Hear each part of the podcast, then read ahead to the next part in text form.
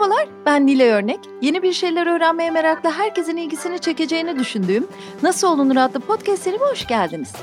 Bu seride mikrofonu mesleklerini ustalıkla icra ettiğini düşündüğüm insanlara yöneltip onlara aynı soruyu soruyorum. Nasıl olunur? Bu bölümde konuğum psikiyatrist ve psikoterapist Doktor Agah Aydın. Hoş geldiniz Agah Bey. Hoş bulduk. Çok sevindim. Merhabalar. Merhabalar. Agah Bey'le e, dün bir önden konuştuk. Dedi ki yani Nilay ben senin birkaç yayınını dinledim. Orada insanlar kendi kişisel hayatlarını, maceralarını da anlatıyorlar ama yani ben daha çok uzmanlık konuşmak isterim. E, ben de e, olur dedim. Zaten çok ihtiyacımız var. Biraz kişisel bir şeyler de öğrenmek isterim ama ilk önce sizin alanınızdan bahsedelim. Ondan başlayalım. Psikoterapi evet. nedir? Ya psikoterapi aslında etimolojisine baktığımızda hani terapiya, terapi Yunanca'dan işte hmm. tedavi anlamına geliyor. Hmm. Yunan felsefesine gönderme yaparsak tedavi iki şekilde olur. Bir bıçakla olur, bir de sözle olur yani. Ee, bu bıçak da söz de ya keser ya iyileştirir. Kesen bir şey aynı zamanda iyileştirirdi. Öyle hmm. diyelim. e, mesleğin atalarına gönderme yaparak söyleyelim. E, dolayısıyla aslında bir tekniğin uygulanmasıdır. Yani e, psikoterapi ile ilgili genellikle çok fazla spekülasyon vardır. İşte aşmak, aşkın biri olmak, felsefe, sosyo böyle bir şey değildir tabii. Yani ben bundan çok rahatsız olduğum bir alan bu. Bizimkisi e, basbayağı bir tekniktir. Bir insanın nasıl insan olduğu ile ilgili, nasıl ben olduğu ile ilgili bir hikayenin yeniden ele alınmasıdır diyebiliriz. Elbette ki felsefe, e, sosyoloji, kültürel olan her şeye bulaşır ya da diğerleri öbürüne bulaşır. O ondan faydalanır, öbürü öbüründen faydalanır ama bu böyle guruluk gibi bir şey değildir yani. Bir bilgiye dayanır, bir gerçek pratiğidir aslında psikoterapi. Hmm. Bir anlamda kişinin yaşadıkları, maruz kaldıkları, dış dünyayla bedeni arasındaki o gidiş gelişlerin dış dünya ile bedeni arasındaki kurulan hikayenin, dolayısıyla dış dünyayı anlayıp anlamlandırmakla ilgili kurduğu fantazilerin analizidir. Hmm. Bu anlamda her kişi için ayrı bir e, çalışma yapmanız, ayrı bir düşünce pratiği geliştirmeniz gerekiyor. Ama dinlerle, felsefe ile ve vesaire e, böyle bir komşuluğu olsa da onlarla ilişkili bir şey değildir. Yani öyle birilerinin geliştirdiği, hayatı nasıl güzel yaşarız falan gibi e, e, düşüncelerle, bazen de saçmalıklarla ilişkili bir şey değildir. Yani biz bayağı bir e, te, tedavi edici olarak çalışan bir meslek grubuyuz yani. Sadece genç bir meslek olduğu için belki de 100 yıla falan dayanıyor geçmişi. Ondan kaynaklanan bazı sapmalar olmuştur. Bazı e, çıkar grupları bunun üstüne çöreklenmiştir. Ama bu bir dermatolog ne iş yapıyorsa bir e, klinik psikolog da onu yapıyor aslında ya da bir psikoterapist ya da bir psikiyatrist de onu yapıyor aslında. Hı hı. Ee, bir insanın düşünebilmesi için başkasına ihtiyacı var değil mi? Bizler kendimizi ötekiyle tanıyoruz aslında.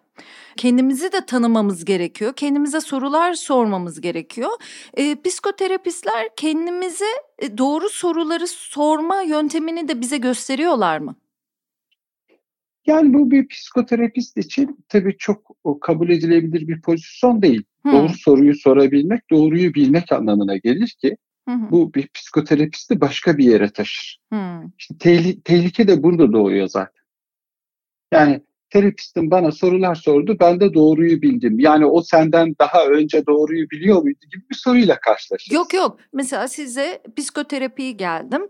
Ee, bir takım konuşmalar yapıyoruz muhtemelen değil mi? Ya da ben bir şey anlatıyorum. Siz ara sıra bana sorular soruyorsunuz.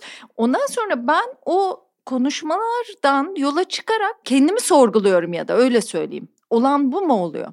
E, aynen öyle. Yani belki biraz burayı inceltebiliriz. Sorgulamaktan ziyade aslında e, işte burada mevzu çatallanıyor. İnsanın doğuştan insan olmadığı gerçeğiyle karşılaşıyoruz.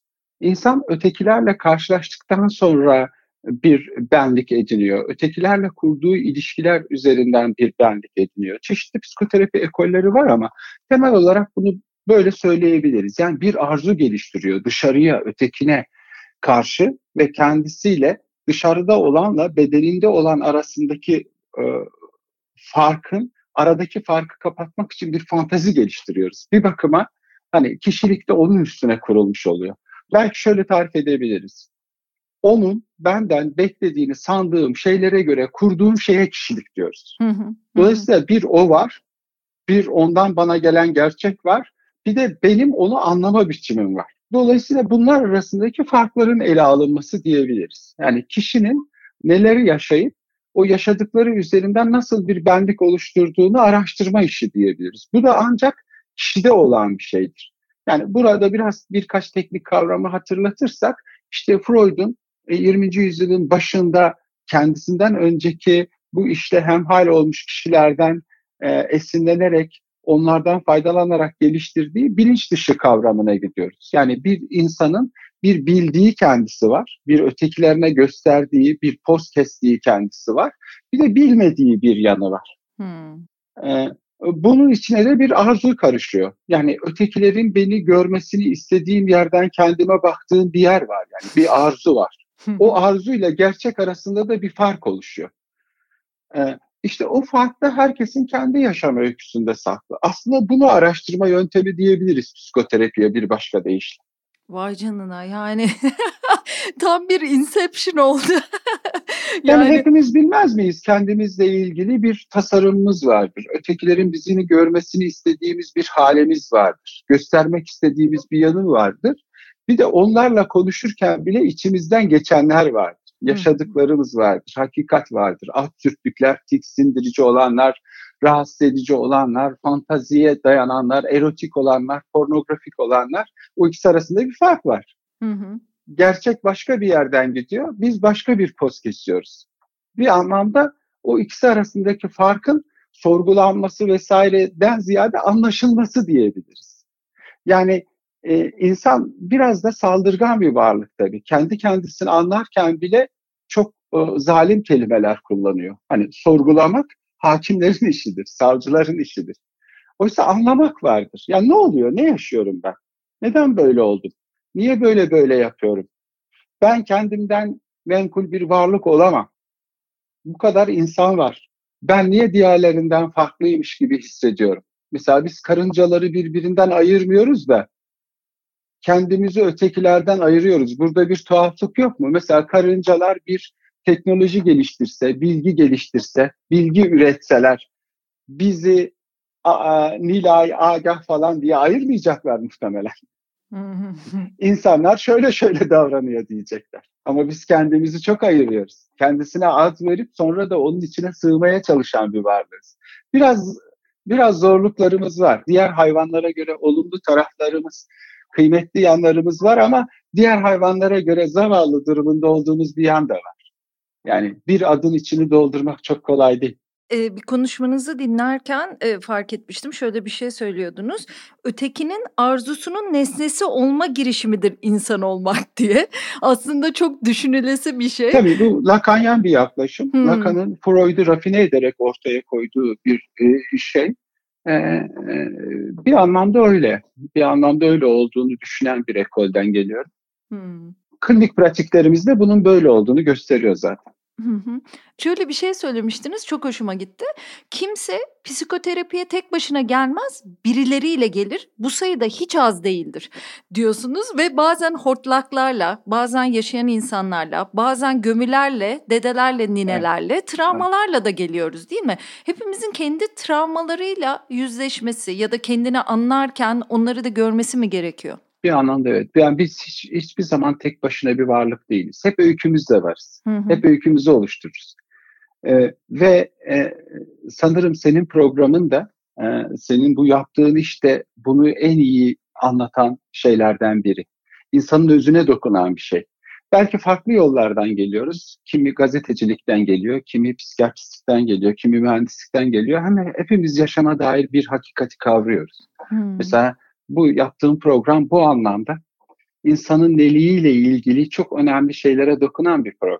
Ay ne güzel çok sevindim. Evet, evet, e, tabii yani e, na, nasıl olunuyor? İnsan nasıl oluyor? Hı hı, e, ben hı. nasıl ben oluyorum? Bunun hikayesidir psikoterapi bir anlamda. Hı hı. Freud bu yüzden biyografilerden hiç hoşlanmaz. Biyografi yazarlarından da hiç hoşlanmaz.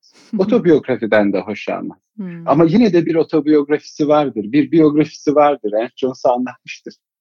E, mektuplarında hepsi vardır. Bir öykü yazmak isteriz ama e, Freud'un öğretisi bize şunu da öğretiyor. Bütün biyografiler yalan söyler. Hmm. Bunu da herhalde en iyi görenlerden biri de sen olmuş oluyorsun bu anlamda. bir gazeteci olarak. Çünkü o biyografilerde hep gizlenen bir şey olur. Biyografi yazarlarının gizlediği bir şey olur yazdıkları kişi adına. Kendi fantazileri, kendi aktarımları dolayısıyla iyi ya da kötü. Kötüsünü ya da iyisini bir şeyini gizlerler.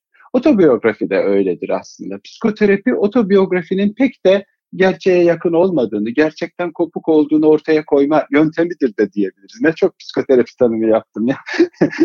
Ama yani. çok güzel hepsi. Peki çok basit bir şey soracağım. Biz genel böyle felsefi tarafından, içeriğinden konuştuk ama e, kimler psikoterapiye gelmelidir? Siz çok güzel bir ayrım yapıyorsunuz orada. Gurular var e, asla e, bir e, psikoterapist e, eğitimci değildir, guru değildir, danışanı olmaz hastası olur diyorsunuz. E, evet. Mesela ben e, kendimi hasta hissetmiyorsam da hasta olabilirim ya da kendimi tanımak istiyorum her şeyden öte. Zaten yani insan olmak bir hastalıkmış gibi geliyor. Zaten bir toplumla benim aramda bir çakışma var. O zaman gelmeli miyim mesela psikoterapi? Yani bir hasta kavramı da kullanılabilir tabii ama hasta yerine şunu tercih ederim. Hani farklılaşma diyelim.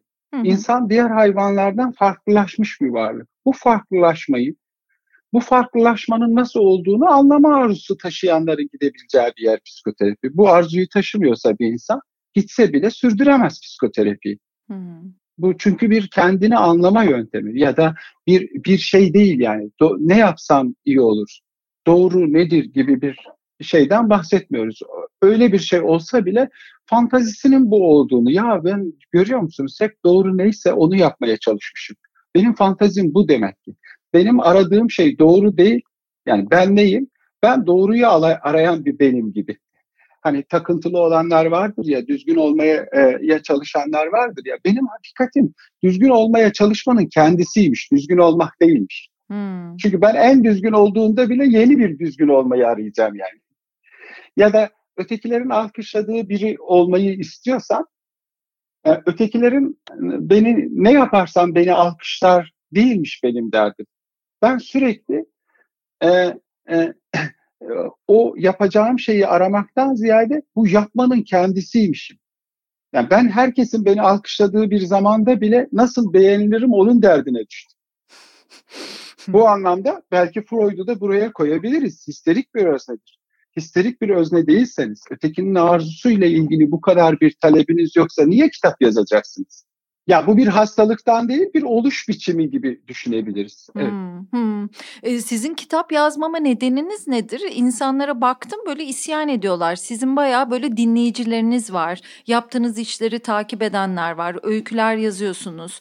E, kısa metinler yazıyorsunuz. Onları böyle bayağı ilgiyle takip eden insanlar var ve sizin niye kitap yazmadığınızı hep soruyorlar, sorguluyorlar. Niye? Ya bu çok çeşitli nedenleri olabilir tabii. İnsanın kendisiyle ilgili bir bilgi ortaya koyması çok mümkün bir şey değil. Hmm. Ee, bir ötekine çarpıp geri dönmesi gerekir. Hmm. Ee, buna girişmeyeceğim ama bir insan niye kitap yazmaz üzerinden olasılıkları söyleyebilir. Bir de benim bildiğimi sandığım kısmını söyleyebilirim. Hı Bir insan ne bileyim e, işte e, bir şey yapmadığınızda bir şey yapabilirmiş gibi yaşamak çok konforlu bir alan. Çünkü bir şey yapmadığınızda kimse sizi eleştirmez. Hmm. Ama yapabileceğinizi bilmenin keyfiyle yaşayabilirsiniz. Güzel, evet. Narsistik bir kırılmadan kaçınma olabilir. Hmm. Yani. Ama e, benim kendimin bilinç düzeyinde e, hissettiğim ve düşündüğüm şey çok şey yazılıp çok şey söylenmiş. Çok fazla kitap ve çok fazla bilgi var ben şu anda kendimi o bilgileri edinmenin şevki, zevkiyle e, e, sarhoş olmuş gibi hissediyorum. Şimdi buna yeni bir şey eklemem için çok geçerli bir nedenimin olması gerekiyor. Hmm. Bir, ötekiler tarafından çok da e, ilgi görmediğimde belki bundan sıkıldığım için kendimi göstermek için yazabilirim. Belki bir gün televizyonlar çağırmazsa, siz çağırmazsınız, gazetelerde şurada burada röportajlar yapılmazsa belki yazarım bilmiyorum. Bir basit bir nedeni olabilir bu. İkincisi de ben gördüklerimden biraz korkmuş da olabilir. Ruslardan sonra roman yazmak, Yahudilerden sonra psikanaliz hakkında yazmak, Amerikalılardan sonra para kazanmak, Türklerden sonra kavga etmek e, çok anlamlı olmayabilir. Yani en iyisini yapmışlar. Ay, samimi ve itirafçı bir yanıt oldu açıkçası.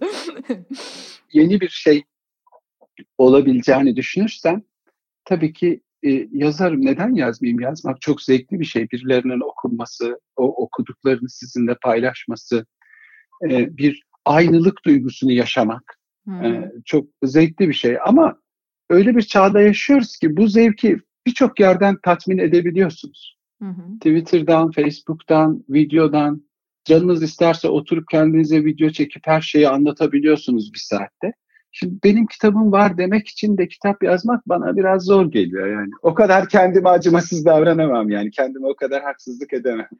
Ya ortam dağınıklığı diye bir şey var. Yani şimdi çok çeşitli ortam olunca başka bir şey. Bir kitap bir bütün ve sadece bitmiş olması da gerekmiyor. Bazen o arayışı okumak da hoşa giden bir şey ve sizin konuşmanız başka, yazı diliniz biraz daha farklı diyeyim. Mesela e, aşıklardan, edebiyattan, e, şiirden beslenen tarafınız konuşmadan çok yazıyla ortaya çıkıyor bana göre. Size baktığımda onu görüyorum. Yani bizler şiire bakıyoruz. Hepimiz için şiir öznel de olabilir. Başka bir şey alıyoruz. Ama siz onu toplumsal bir bağlamda, bir psikolojik durumla ya da e, toplumsal bir durumla bağdaştırınca sizin o birleştirme yönteminiz bile bizim için çok ilgi çekici olabiliyor. Yani farklı bir görüş sağlamış oluyoruz. Yazı dili başka bir dil bence. Onun Kuşkusuz. için e, hoşlanırdım önemli. yani. E, yoksa evet. yani evet herkes kitap çıkartıyor. Kim e, yani biri daha eklense ne olacak, biri daha eksilse ne olacak deriz pek çok insan için ama sizin için hiç öyle düşünmedim. Bunu da ben kendim evet, arada söyleyeyim. ee, bu arada siz diyorsunuz ki bir iyileşme refleksidir internet belki de sosyal medya. Hala öyle Hı. mi düşünüyorsunuz? İnternetle ilgili hala öyle düşünüyorum. İnternetin bir biçimde susturulmuş, baskılanmış insanın bir e, konuşma alanı olarak düşünüyorum e, genellikle yalnızlaşma internete bağlanmıştır. Hı hı. Bunun çok sakıncalı, doğru olmadığını, tehlikeli olduğunu düşünen biriyim. Bizim yalnızlaşmamızın nedeni çalışma koşullarının, üretim araçlarının değişmesiyle ilgili bir şeydi. Sanayileşmeyle ilgiliydi. Günde 10 saat, 12 saat çalışan insanların yalnızlaşması bununla ilgilidir. Bunun internetinde günah var. İnternet bu yalnızlaşmaya bir çözüm olarak görülebilir. Yani biz internetten dolayı yalnızlaşmadık. Yalnızlaştığımız için sosyal medya bize can simidi oldu. Dolayısıyla burada e, dünyada da bu konuda çok ciddi bir literatür üretiliyor. Bir şey zaten bir fikir çok yaygınlaşmışsa, pek çok kişi tarafından tutuluyorsa birileri bunu finanse ediyor olabilir. Birileri yönlendiriyor olabilir. Çünkü internet her türden iktidarı tehdit eden bir alan. Her türden iktidarı sarsan bir yer. Yani ben e, akademisyenim, ben politikacıyım, şöyle bir adamım, şöyle bir kadınım. Bunların hepsini tehdit ediyor. Dolayısıyla pek çok güç odağı sosyal medyayı hem seviyor hem rahatsız oluyor. Seviyor çünkü çok kolayından iktidar kurabileceği bir alan var orada. Ama başkaları, gençler, çocuklar bunu yaptığında da tedirgin olur. Hı hı. Yani ne bileyim internet çok fazla işte e, sizin e, size saygısızlık etmem ama gazetecilik açısından bakalım. İşte çok fazla yalan haber var, işte yönlendirme var. Var, evet doğru. Bunun tek elden yapılması daha mı iyi bir şeydi? Yani bir gazetenin bir iktidarın eline geçip onun bütün toplumu kendi kafasına göre yönlendirmesi mi daha iyi? Bu kakafoni mi iyi? Ben kakafoniyi tercih edenlerdenim. E, yani bir e, internet, sosyal medya kullanıcısı hiçbir zaman 20. yüzyılın e, e, e, çok böyle rahatsız edici kelimeler kullanmak istemiyorum ama 20. E, yüzyılın satın alınmış e, medyası kadar halka zarar veremeyeceğine inanıyorum. Yanılıyor olabilirim tabii. Zaman gösterecek. Hı hı. İnternet bence benim gibi sıradan insanların namusudur. Sahip çıkmamız lazım. Yani hiçbir zaman kaptırmamamız lazım. Ama bizim gücümüz buna yetmezdi de. Çok para kazandığı için sistem o yüzden elimizden alamıyorlardı. Çünkü hem mal sattığınız hem güç devşirdiğiniz hem de e, iktidarınızın tehdit edildiği bir enstrüman var. Bunu yönetmek çok zor ve şu anda zaten dünyadaki bütün iktidarlarda bunun şaşkınlığı ve tedirginliği içindeler. Ellerine yüzlerine bulaştırdılar. Yani Facebook'u kullanıyorlar, Twitter'ı işte yasaklıyorlar, serbest bırakıyorlar. Beceremeyecekler yani. Çünkü enstrüman teke indi. Vurduğunuz silahla vurulabilirsiniz. Belki de yanılıyorumdur bilmiyorum. Sosyal medya insanın e, onurudur bence. O, onu korumamız gerekiyor. Çünkü bütün bütün konuşmaktır insanı e, var eden şey. Söze dökmektir. E, güç karşısındaki en önemli gücümüzdür e, bu anlamda. Tabii yani ben size çok katılıyorum. Hani insan sözle kurulur diyorsunuz siz de. Ben de ona da çok inanan bir insanım. Bir de sosyal medya işte bizim e, mesleğimizi kaybettiğimiz bir dönemde bize can simidi oldu. Pek çok insanın tabii, iletişimine tabii. can simidi evet. oldu. Adaletsizlik içinde hissettiğimiz dönemde adalet varmış gibi yani birbirimizle en azından bunun iletişimini yapma aracı oldu. Bence de çok değerli. Bağışlayacağını düşünerek söylüyorum. Nilay örnek gibi işte 20 yılını basına vermiş bir insanı işten çıkarak kontrol edemiyorsunuz işte. Hı hı. Sosyal medyanın varlığı sayesinde o yeteneklerini gene ortaya koyuyor, gene çıkıyor ortaya. Onun kadar dinlenemiyorsunuz. İşte sizin gazetelerinizin, televizyonlarınızın podcastleri onun gerisinde kalıyor. Tek başına sizi alıp geçiyor yani. Aa, gel. Böyle, böyle, Ama bir dakika böyle, ben sizi e, şimdi utandım. hani böyle bir şeye sahip çıkmamız gerekir. Ne kadar kıymetli bir şey düşünebiliyor musunuz? Para pul almadan alıyor, sizi silkeliyor.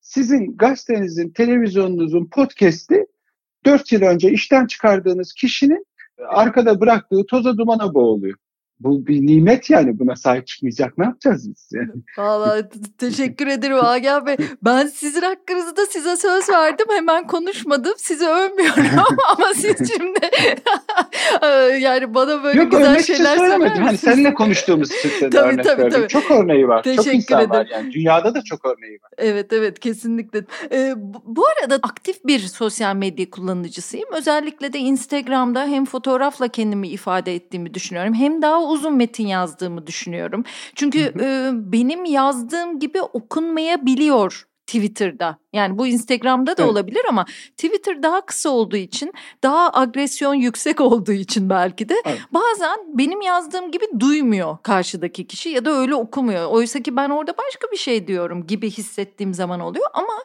şöyle de bir tarafı var.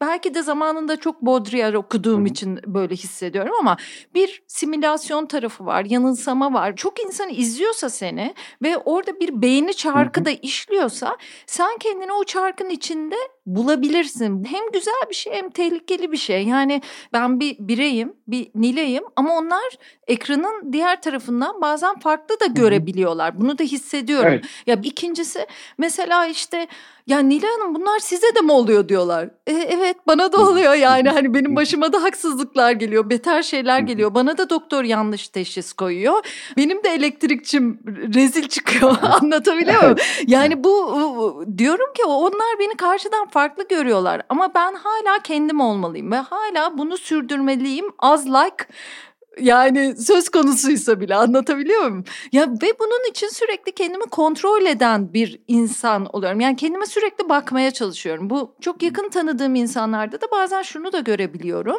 E, ben öyle bir gözlem yapıyorum. Belki de hatalıyım. Belki de kendimden bir yansıtma yapıyorum. Sizle konuşurken biraz endişeli dedikodular yapıyorum. ya şunu kastediyorum. Mesela Eee, benim o arkadaşım, onun nasıl biri olduğunu biliyorum. Yüz yüze konuşmuşum, şahane yemekler yemişim ama ekranda başka bir insan oluyor. Şimdi orada enteresan, bu bilinçli de olabilir. Kendinin çok farkında ve ekrana farklı bir insan olarak kendini yansıtmayı seçebilir. Ama işte Baudrillard okumak dediğim o. Bir süre sonra kendi simülasyonun olma tehlikesi varmış gibi geliyor. Yani biz zaten bir simülasyon bir varlığız. sonuçta e, sonuçta ilişki kurduğumuz kişilerle oluşmuş bir kurgudan bahsediyoruz. Farkındayız ya da değiliz. Hı hı. Bir bir postkeseden bahsediyoruz. Bana kalırsa çağımız insanı şöyle oldu, böyle oldu, beğenilerle şu oluyor, bu oluyor. Bunun kendisi düşündürücü bir sorun. Hı hı. Yani ne bileyim sen berbat bir program yaparsın. Ee, e, e, 1 milyon kişi seyreder. E, ama bunu sınırlayacak olan o 1 milyon kişinin seyretmesi değildir. Herkes kendi cemaatine poz keser. Hmm. Biz de hmm. sana deriz ki Nilay berbat bir şey yapmışsın, yakıştı mı 20 yıllık gazeteciliğe deriz. Sen kendini geri çekersin. Biz herkese poz kesmeyiz. Hı. Hepimizin seçilmiş cemaatleri var. Çok güzel. Aslında ne bileyim işte pek çok e, şu anda gazeteci nasıl YouTuber olunacağını, nasıl e, işte o, o milyonlara ulaşabileceğini ulaşanlardan daha iyi biliyor. Yıllarca bu işi yapmışlar yani. Tabii. Ama yapmıyorlar. Tabii. yapmıyorlar. Demek ki sınırlayan başka şeyler var. Bizi sınırlayan ötekinin arzusudur. Tıpkı çocuğu sınırlayanın ebeveynlerinin arzusu olduğu gibi. Biz ebeveynlerimizin yerine birilerini atarız. Onların arzusuyla gene sınırlanırız. İnsan o, o, o kadar e, değil. Yani o, o, o, o yanlış bir yorumdur bence. Hmm. İnsanı sınırlayan hep bir şey vardır. Kendi öykümüzdür insanı sınırlayan. Hmm. Psikoterapi bu nedenle bir gerçek pratiğidir. Ben sizi dinlerken şunu da fark ettim.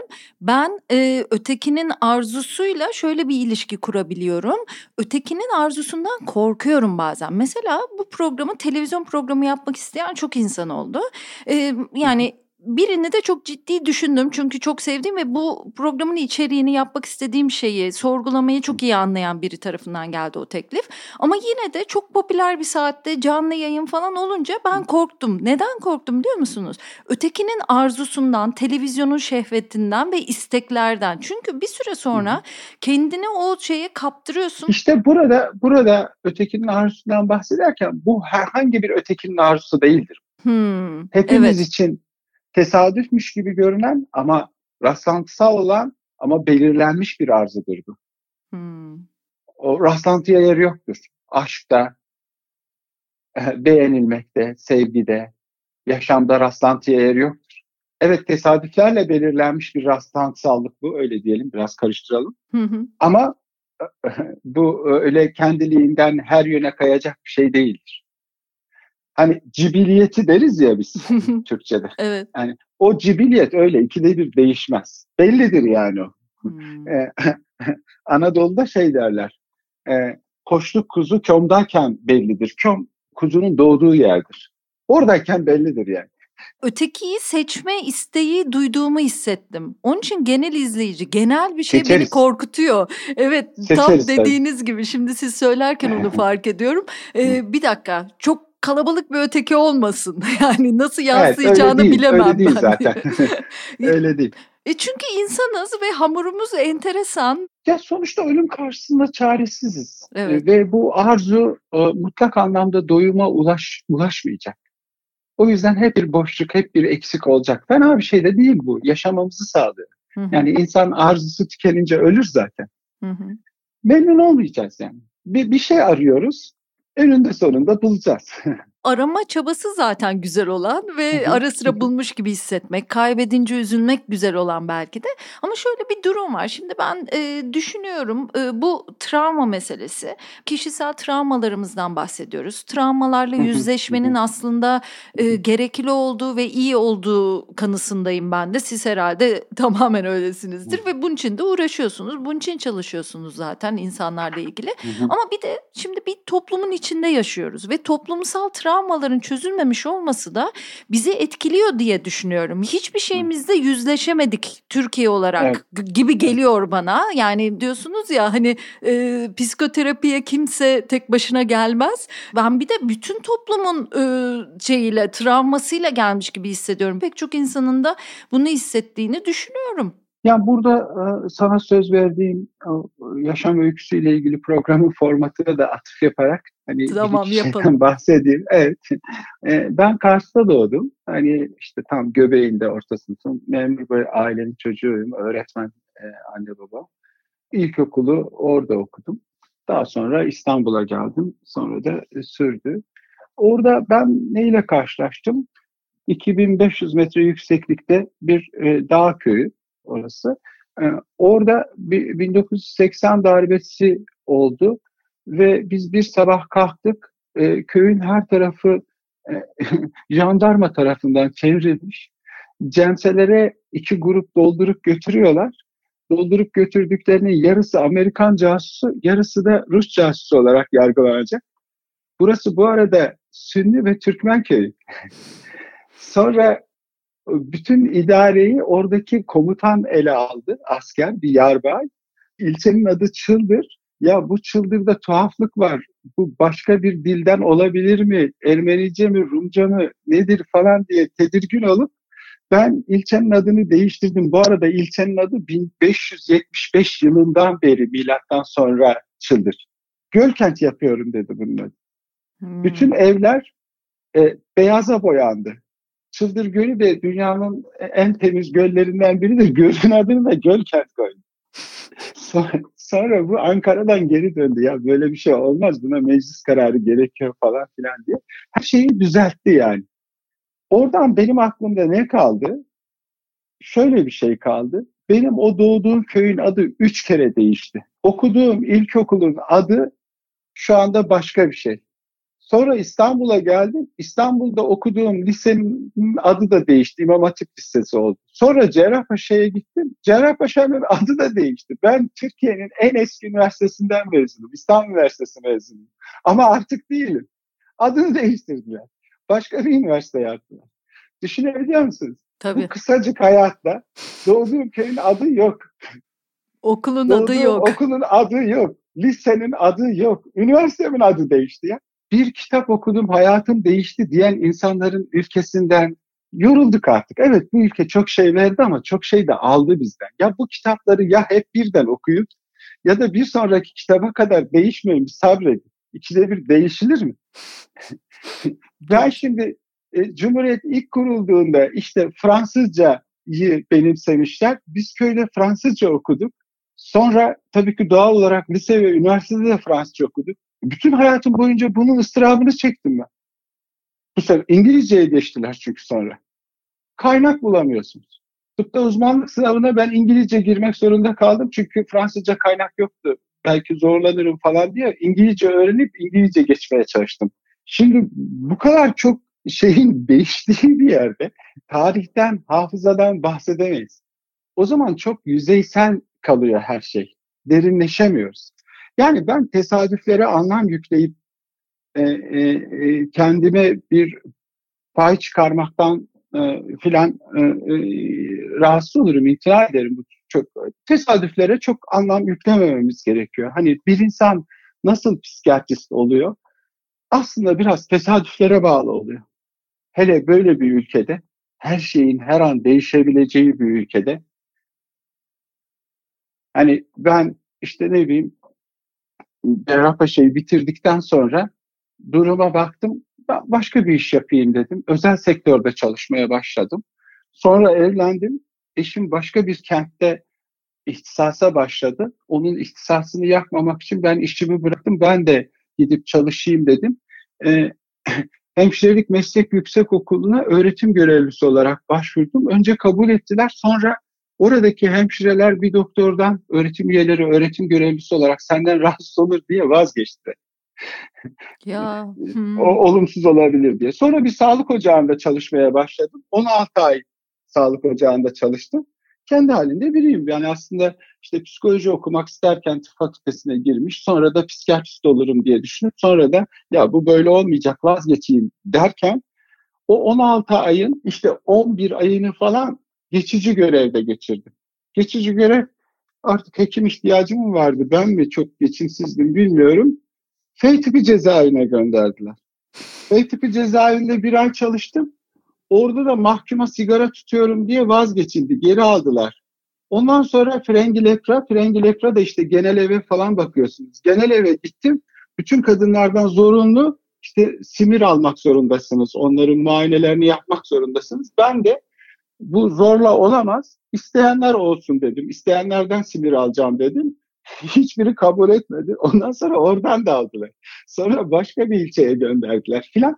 Hani o o e, meşhur hikayemiz var ya yaşar mı yaşamaz diye. Sonra SARS ortaya çıktı. Şimdi korona günlerindeyiz ya. SARS'ta Kapıkule'ye gönderdiler. İşte kapıdan girenleri kontrol ediyoruz. Ee, onların ateşlerine bakıyoruz. SARS da şimdiki gibi değil. O 3-4 kat daha öldürücü bir hastalık. Ee, sonra vizyon programında şeyleri çekmişler. Bize gelip Kanada'dan gelen bir kadın numarasıyla yanında tercümanı işte ben SARS'ım diyor. O zaman da SARS'ın tanısı 37'nin üstüne çıkmamışsa SARS değildir. Ben de ülkeye aldım. Sonra akşam televizyonda kendimi gördüm. İşte doktor bir şey olmaz dedi. Maskeyi çıkardı diye gösteriyor.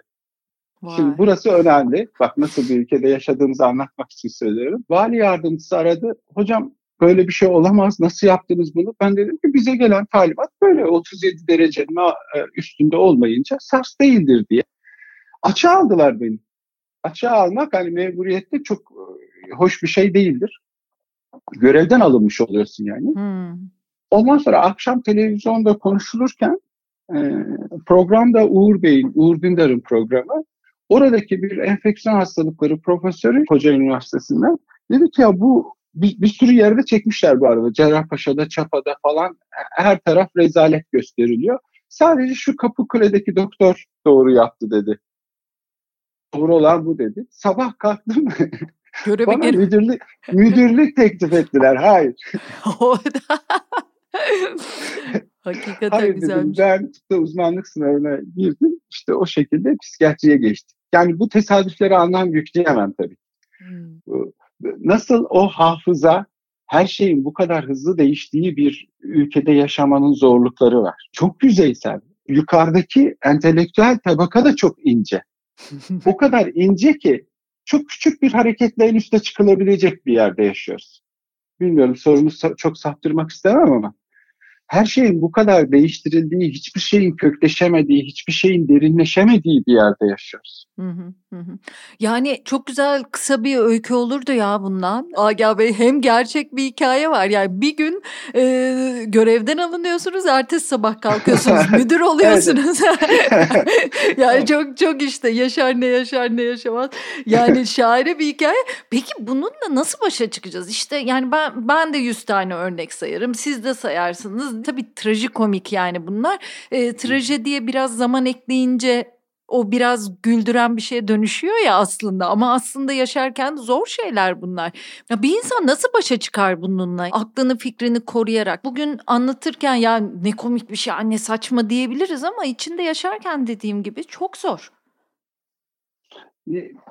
Yani bunu nasıl aşarız bilmiyorum ama e, e, çok zor bir dönemden geçtiğimiz kesin. Genel olarak ben bu açıdan mevzuya baktığımda kendimi pek iyi hissetmiyorum. Depresif hissediyorum. E, yoksa hani bir insanın e, kurumsallaşmış, anıları taze olan, yasını tutmuş, bireysel ya da toplumsal yasını tutmuş bir toplumda yaşamak çok güzeldir. Yani ister çöpçü olun, ister zabıta olun, ister doktor olun. Yani ondan zevkli bir şey olabilir mi? Ama bizde durum çok zor. Yani biz sürekli köklerimizden, bir, sürekli kendimizden koparılıyoruz. Yani böyle bir şey olabilir mi? Yani bu, bu kadar kısacık bir yaşama, yaşama, bu kadar değişiklik nasıl sığdı yani? Birinin düşünmesi gerekir. Ee, ama nasıl oluyor? Biraz Türkiye'de tesadüflerle oluyor. Kimlerle karşılaştığınızla ilgili. Ne yapmak istediğiniz de önemli tabii ama ne yapmak istediğiniz o kadar etkili olmuyor. Yani ben tıp fakültesine girdiğimde de psikoloji ile ilgiliydim. Onunla ilgili gruplar kurdum. E, işte arkadaşlarımızla birlikte çalıştık. E, sonuçta evet psikiyatrist oldum. E, ama bu o kadar da hani bana mal edilecek bir şey değil. Bana mal edilecek bir şey değil. Maalesef. Ya acıklı e, ya bu. Aklı, aklı hmm. erenler, hmm. gücü yetenler e, çekip gidiyor. Bu da iyi bir şey değil. Tabii. Ee, e, ya da benim gibi tembeller de burada kalıyor. Yani. Ama bu ülkeyi sevip sevmemekle ilgili bir şey değil. Ülkesini kim sevmez ya? Hı hı. Böyle saçma bir şey olabilir mi? Bir insan ülkesini sevmemekle suçlanabilir mi? Herkes ülkesini seviyor bence. Gidenler de ülkesini seviyor. Ya mesela işte yazı yazmak. Ben yazı yazarken bir sürü imla hatası yapıyorum. Bununla ilgili bir şey anlatayım.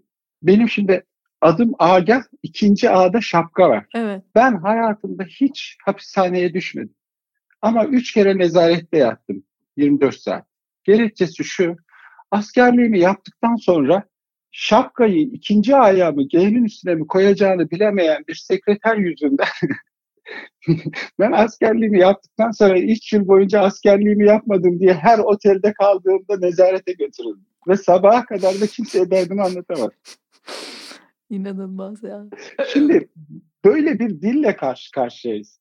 Yani bu kadar değişen bir dilden bahsedebilir miyiz? Neresinden tutalım bilmiyorum. Ama hani nasıl olunuyor? Valla ben futbolcu olmak istiyordum. Galiba arkadaşlarım yeteneğimi kavrayamadılar. bazen yedek kaldım, bazen de belki de o artistik hareketler takım oyununa yakışmıyordu bilmiyorum. Ben hani forvet oynamaya çalışıyordum hep. Hmm. Ama takım kıymetimi bilmedi. Sonra kamunun böyle bir sözü var. Hani bir erkek eğer futbolcu olamıyorsa yazar olur. O yüzden yazar oldum diyor. Onun da bacağı kırılıyor. O yüzden futbolu bırakmak zorunda kalıyor. Hmm, evet. Yazarlık konusunda da işte disiplinli çalışmak gerekiyor. Onu da olamadım. O yüzden psikiyatrist oldum. Yoksa bir insan niye psikiyatrist olsun yani? Böyle, böyle şey olur mu? İnsanı anlama çabası İnsan diye. niye doktor olur yani? 11 sene oku, ondan sonra bilmem ne vesaire. Ee, evde de anlarsın yani insanı.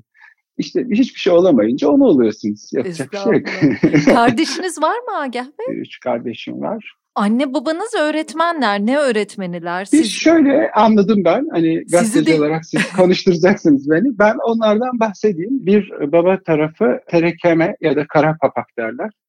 Ee, bir tarafı da Ahıska Türküdür. Ee, anne tarafının da bir tarafı e, Ahıska Türkü. Bir yanı da Selanik aslında. Hmm. Aslında onlar Anadolu'da yaşayan insanlar. Orayla da ilgili ilginç bir şey var. Ee, bu Eva nenemizin adı. Ama bunlar e, mübadele sırasında Selanik'e gönderiyorlar Türk piçi diye. Hı Sonra ama tabii bu arada e, Kars'ta bütün değirmenler, şunlar bunlar, bütün e, işe yarayan işleri de bu insanlar yapıyor bu arada. Oraya gittiklerinde de Türk piçi diye dışlanıyorlar. E, soyadları Papadopoulos bu arada. Hmm. E, oradan da tabii Amerika'ya gidip zengin oluyorlar. Yani ailenin bir tarafı da öyle. Soy kütüğü açıklandı ya. Evet. Şimdi bu anne tarafının anne tarafının adları işte tahmin edeceğiniz gibi Nikos, Eva vesaire. Ama nüfusta ne yazıyor? Haydar, Ali. Şimdi Sündü köyü ya orası. Şimdi o e, isimleri de onu da Ale, Alevi isimleri yapmışlar. Yani cim bir nüfus memuru. Her şeyi değiştirmişiz. Ya ne gereği var? Niye yapıyorsun bunu? İnanılmaz ya. Dün sizinle konuşurken ne konuşuruz acaba diye. Bütün bunların hepsi konu yani bunlar benim için bir travma. Bu kadar hafızasızlık yani tabii, değil. Tabii. Hafıza bizim zekamızı kuran, ilişkilerimizi kuran şey o. Ve bunların hepsini yatsıyoruz. Yani gönderiyoruz ve aramayı da bırakıyoruz. Yani çünkü çok yorucu yani, bir şey. Bugünü yaşamak kesinlikle. varken bir de onu anlamaya çalışmak çok zor. Bir taraftan geçmiş asla geçmiş olamıyor. Bitiremiyoruz, kopamıyoruz farkında olarak ya da olmayarak. Bu büyük bir sorun. Yani hep hep geri gelir. Siz ne yaparsanız yapın. Evet. Hani o, o işte dediğim gibi 10-12 yaşına kadar yaşadığım o köyde e, öğrendiğim şey şuydu benim. Hani devlet bir insanı parkasının renginden, çorbayı süzen bıyığında, dudağının üstündeki ince çizgiden anlar yani kimin ne olduğunu. Düşünebiliyor musunuz? Böyle şey. Sonra üniversiteye geldik. İstanbul'da farklı değildi yani. İstanbul'da örtüler, parkalar ve bıyıklar üzerinden kategorize edilmiş bir toplumdan bahsediyoruz. Hı hı hı. Ya bu kadar sloganlarla yaşanan bir yerde e, derinleşmek, bilgi üretmek de çok kolay olmuyor yani. tabii, çok mümkün tabii. değil. Ciddi bir erozyon yaşıyoruz. Yani bunu, bütün dünyada böyle belki. Yani bütün değer sistemleri çöktü çünkü. ideolojiler çöktü, dinler çöktü ve hiç kimse hiçbir şeye inanmıyor. Amerika'da da inanmıyor. E, sapkın fikirler türer. Hı hı. Yani biz bir efendiye inanmak isteriz. Evet. Bir efendi ararız hep. Hı hı. Bilgiyi ararız, bilmem neyi ararız. Ama bunların hepsini deforme ettiğinizde, hepsini ortadan kaldırdığınızda kaos ortaya çıkar. Yani düşünebiliyor musunuz? Günde 200 kişinin öldüğü bir salgında insanlar salgının olduğuna inanmıyor. Ya bu dehşet verici bir durum yani. yani bizim her gün yasta olmamız gerekirken Twitter'da insanlar aşı maske tartışması yapıyor. Nasıl olunur? Bilmiyorum ama böyle olunmayacağını biliyorum. Sanki böyle mitleri de kaybettik. Ortak düşünce sistemlerini, ortak sevinç ve yasları. Yani sevinememek de ne kadar acı. Ben bütün bunlardan sürekli nasıl kurtulacağımı, nasıl kendimi iyi düşünen, sağlıklı düşünebilen ve sağlıklı karar verebilen bir birey olarak tutabileceğimi çok merak ediyorum. Yani üretici olarak, yaratıcı olarak bir işler yaparak bundan kurtulmaya çalışıyorum. Şahsen kendi çözümüm bu oluyor ama kilitleniyorum, yapamıyorum. Yani bir hükümet yetkilisi şöyle diyebiliyor, evine ekmek götüremeyen insan mı var? Yani İzmir depreminden önce bunu duyduğumda ben günlerce buna üzüldüm. Yani düşünmek, sinirlenmek değil. Yani nasıl empati kurulamaz? Evine ekmek götüremeyen insanları ben burada görüyorum yani. Yani sokağa çıktığımda görüyorum. Ondan sonra insanların işte İzmir depremi oldu. Daha yeni yakın şeyi söylüyorum. İnsanlar pandemi döneminde evsiz kaldılar ve ne yapacaklarını bilemediler. Suçlu gene onlar oldular. E, pandemiye yakalanan suçlu tıp mensupları istifa edemiyorlar, e, zam yapılmıyor, ailelerini göremiyorlar ve e, soruşturma açıldı daha yeni pandemi kapan doktorlara. Yani şimdi bu kadar çaresizlik içinde zaten dünya akışkan bir dünya, bir sallantı. Biz Türkiye'de bu akışkanlığı ve tutunamayacak durumda olmayı hiçbir şeye beş katı hissediyoruz belki. Bu çağın içinden nasıl çıkılır? Ben hani size gelip bunu aramak istiyorum yani sizlere. Böyle bir, her birey bunu hissediyordur. Bunu tarif etse de edemese de diye düşünüyorum. Yani aslında senin vurguladığın bu yas mevzusu bu işte. Hani siz ekmek bulamamak bir insanı e, çok e, e, zorlar, acı çektirir. Ama e, e, acınızın öteki tarafından görülmemesi, insan ötekinin arzusunu arzular ya, ötekinin arzusunu da kendisini görmek ister dedik ya, hı hı hı. o öldürür işte. Ötekinin gözünden düşmek öldürür insan. Hı. O zaman toplum işte sağlık çalışanları kendi kayıplarının yasını kendi aralarında. Ekmek bulamayanlar kendi kayıplarının yasını kendi aralarında bir meslek edinme vaadiyle üniversitelere gidip işsiz kalan gençler kendi yaslarını kendi aralarında tuttuğunda o zaman toplum parçalanmış olur, hücrelere bölünür. Evet. Yani nasıl hmm. ki bireyi kaybettik, kaybetmek hani birinin ölmesi demek gibi değil de fantazilerimizin de kaybı olarak düşünürsek bireyi hastalandıran kaybettiklerinin ne olduğunu fark etmemek, kaybının yasını tutamamaktır. Bu da ötekilerle mümkün. Hani burada kaybın yerine konmasından bahsetmiyoruz. Yoksul bir ülke olabilirsiniz, gençlere iş veremeyebilirsiniz. Yoksul bir ülke olabilirsiniz, e, yoksullara ekmek veremeyebilirsiniz. Bu mümkündür, olmuştur, tarih boyunca da olmuştur. Ama bunun yok sayılması toplumu böler, parçalar. Yasını tutmak ister çünkü, kaybının yasını tutmak ister. Hı hı. Ama günümüz ideolojisi de, günümüz zamanı da kaybı olmamış gibi yapma eğiliminde. Yani psikoterapi insanların kaybını yerine koymaz ben şu olamayacağım, bu olamayacağım, şunu yapamayacağım, yaşlandım. Bununla yüzleşmektir. Ancak o zaman umut edebiliriz. Yani kaybettiklerimizi sabitlersek, yok sayarsak değil, sabitlersek, evet biz şunları şunları kaybettik, şurada şurada hata yaptık dersek insan yeni bir fantazi geliştirebilir. Hmm. Yoksa e, hayat çökmez tabii. Hiçbir şey çökmez yani. Dünya da çökmez. Yaşamda hiç durmamıştır. Bizden daha zor e, şeyler yaşayan kuşaklar vardır. Belki de tarihin en rahat kuşağıyız biz. En rahat yaşam biçimi olan kuşağıyız. Dünya hiç bu kadar iyi olmamıştı. Ya biz bir kere şiddetin ne olduğunu biliyoruz. Kadına şiddetin ne olduğunu tarif edebiliyoruz. Kınayabiliyoruz.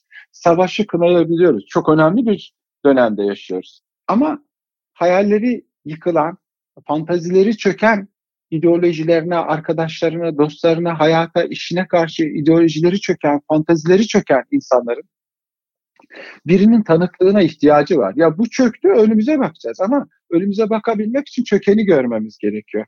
O yüzden toparlamak çok zor bence. Hmm. Yani yastayız. Nasıl bir yastayız? Düşünebiliyor musunuz? Her yıl 230 bin, 250 bin insan yurt dışına gidiyor.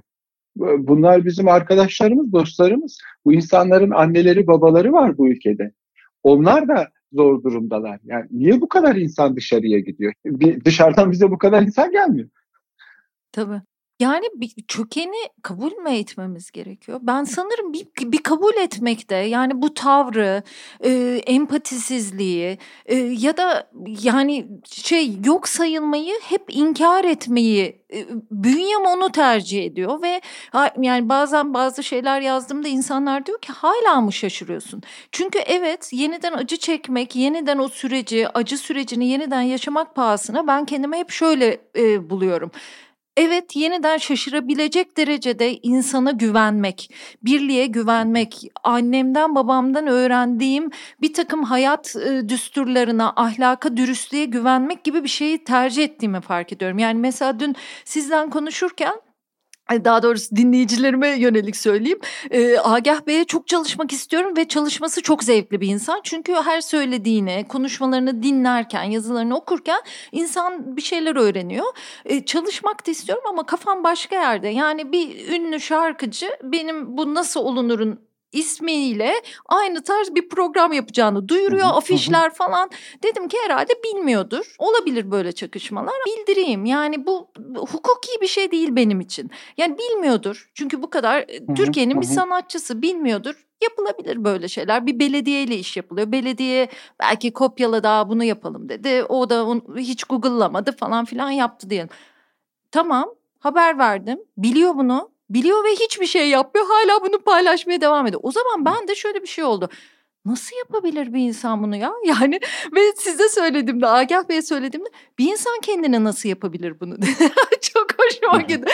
Yani şimdi böyle düşünme tarzı ama ben hala şaşırıyorum ve bir takım arkadaşlarım diyor ki ya çok işte rant ya bu herkes yapar falan. Ya ben diyorum ki aydın gördüğümüz Türkiye'de bir şeyler üreten sanatçı dediğimiz bir insan da bize bunu yaparsa ne yapacağız? Bana bunu yaparsa ne yapacağız? İnsanlar diyorlar ya Nilay Hanım size de mi oluyor? Yani gerçekten hiç tanıdığı kimsesi olmayan insanlar da var. Kime sarılacağını bilmeyen insanlar da var. Herkese bir şey oluyor bu ülkede ve herkes nasibini alıyor nasıl yola çıkacağız da yapacağız ya Agah Bey bu kişisel bir yani dırdırlanma şeyi değil ama sizlere umut bağlıyorum açıkçası yani. Ya bu kavga bütün kurumlarda, kişilerde e, erozyon yaratacağını düşünüyorum.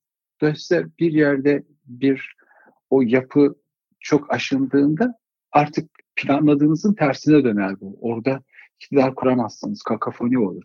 Hurafeler çıkar. Yani insanın bir şeye inanma, bir şeyi bilme ihtiyacı var. Bilgiyi aramaktan ziyade bildiğini varsaymaya. Hmm. Roloma'yı örnek verdiniz siz. O hayatın anlamını arar diyor insan. Evet. Ben de anlamını bulduğuna inanır diyorum. Hmm. O yüzden cahilliğini sürdürür. Biz biliyoruz şeyine ihtiyacımız var. Anlam aramıyoruz biz. Anlam arasak bu kadar kavga olur mu? Bu kadar sıkıntı olur mu? Hepimiz öğrenmeye çalışan falan filan bir toplum olurduk. Öyle olmuyor. E, aramıyoruz. Bununla nasıl başa çıkılır? Başa çıkılır mı? Başa çıkılması gerekir mi? Çok emin değilim. Bilmiyorum. Ama çeşitlilik iyi bir şeydir. Mesela bugün Batı şirketleri, Amerikalı, Avrupalı şirketler çok uluslu çalışma koşullarını benimsiyorlar. Bir Alman şirketi şirketine Almanları değil, Türkleri, İngilizleri, ruhları alıyor. Çünkü o farklı farklı bireyler insanın neliğiyle ilgili kendisini duvara çarpıp geri dönmesini sağlar. Kendisini anlamasını sağlar. Hmm. Yani insanın tek bir fikri varsa tek bir oyuncağı olan çocuk gibi davranır. O zaman da o fikirler çok coşkulu olur, kabarmış olur ve onu serinletmesi de zordur. Hmm. Kurtulmak için tek çareniz dünyaya açılmak, insanlara açılmak, birbirimize açılmak ve konuşmak. Ama bu teknik olarak mümkün müdür, değil midir bilmiyorum. Hani teorik olarak mümkün görünüyor. Ama bir insan ne kadar içe kapanırsa, e, ne kadar az okursa, ne kadar az öğrenirse tek bir kitap okuyunca da hayatı değişir hakikaten. O zaman da bizim hayatımızı zehir eder yani. Ne olur tek bir kitap okumayın yani.